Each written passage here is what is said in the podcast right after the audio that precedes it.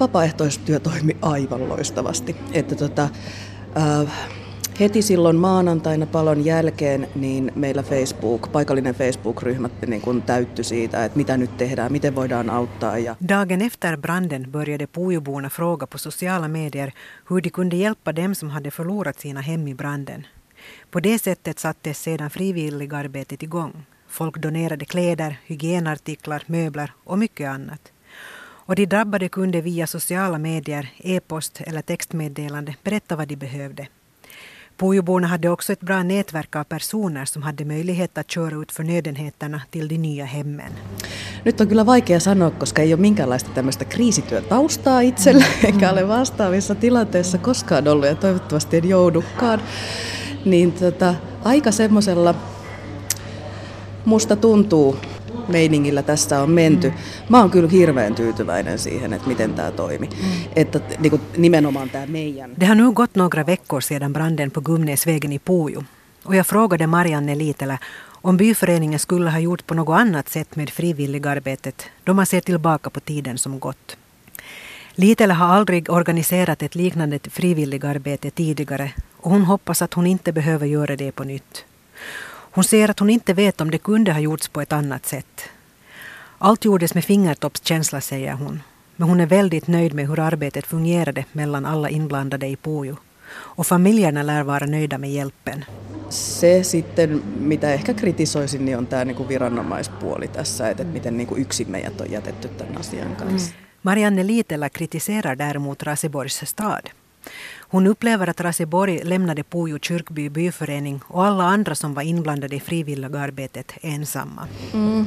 Kaupunki ei ole kyllä niin kuin osallistunut varsinaisesti mitenkään. Ja se, mitä mä oon nyt puhunut näiden ihmisten kanssa ja muuta, niin, niin tota, aika vaihtelevaa palautetta sieltä tulee. Että tota, silloin yönä, siellä on ollut mm. uh, kriisityöntekijä paikalla. Marianne Liitela anser att Raseborgs stad inte gjort särskilt mycket. Hon säger också att det kommit varierande åsikter om stadens insatser från de drabbades sida. Det var socialjouren för Hisi och Västnyland som gav det första stödet till invånarna. Socialjouren skickade en person till Pujo den natt det brann. Marianne Litela berättar att den personen enbart pratade finska och det är inte bra i en krissituation, säger hon. Socialjouren nås då man ringer nödcentralen och de arbetar utanför tjänstetid. Sen jälkeen maanantaina sosiaalitoimesta heille on soitettu näille perheille. Eli minkäänlaista niin kuin kriisiapua eikä, eikä minkäänlaista seurantaa, ei mitään sellaista niin kuin henkistä tukea. Että, äh, heille on välitetty kyllä puhelinnumero. Socialbyrån ringde invånarna dagen efter branden och gav dem bland annat telefonnummer de kunde ringa, berättar Litela som undrar varför invånarna inte fick någon krishjälp. Och hon frågar sig varför staden inte gjort någon uppföljning. Aika kädestä pitäen ottaa, ottaa kukin niin kuin perhehoteisiinsa mm. ja, ja kunkin niin kuin tarpeiden mukaan tarkistaa, että mitä he oikeasti tarvii.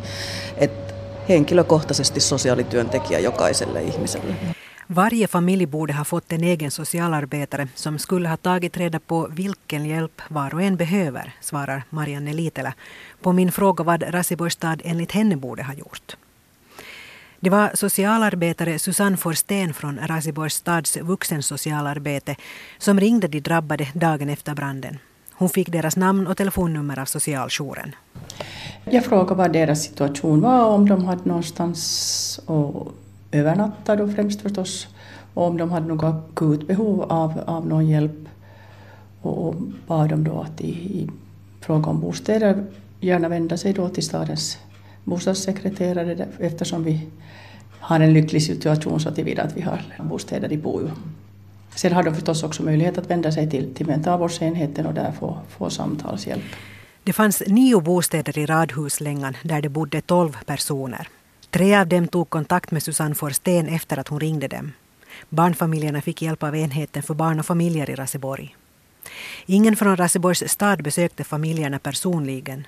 Susanne Forsten anser att det räckte med telefonkontakt. Där kanske lite min egen åsikt om att man, man inte ska, ska pressa människor i akut nöd med, med att, att allt för många främlingar ryker på genast efter för att, att folk har oftast inte riktigt förmåga att, att ta emot så hemskt mycket information när man är ganska chockad och, och förvirrad och, och har många bitar som, som flyger omkring. Så, så då, då är det bättre att man får först landa lite och sen kan vända sig och, och få hjälp efterhand. Överraskande och glädjande lite har, har vi blivit kontaktade och, och det tar jag som ett tecken på att, att nätverket där i Pujo har fungerat bra. Ja, där har ju Pujo kyrkoby, byföreningen verkligen jobbat hårt med att då koordinera den här hjälpen och det har ju då varit också företag och andra föreningar och, och församlingarna med och, och hjälpt till. Vad tycker du om en sån här, ett sånt här frivilligt arbete?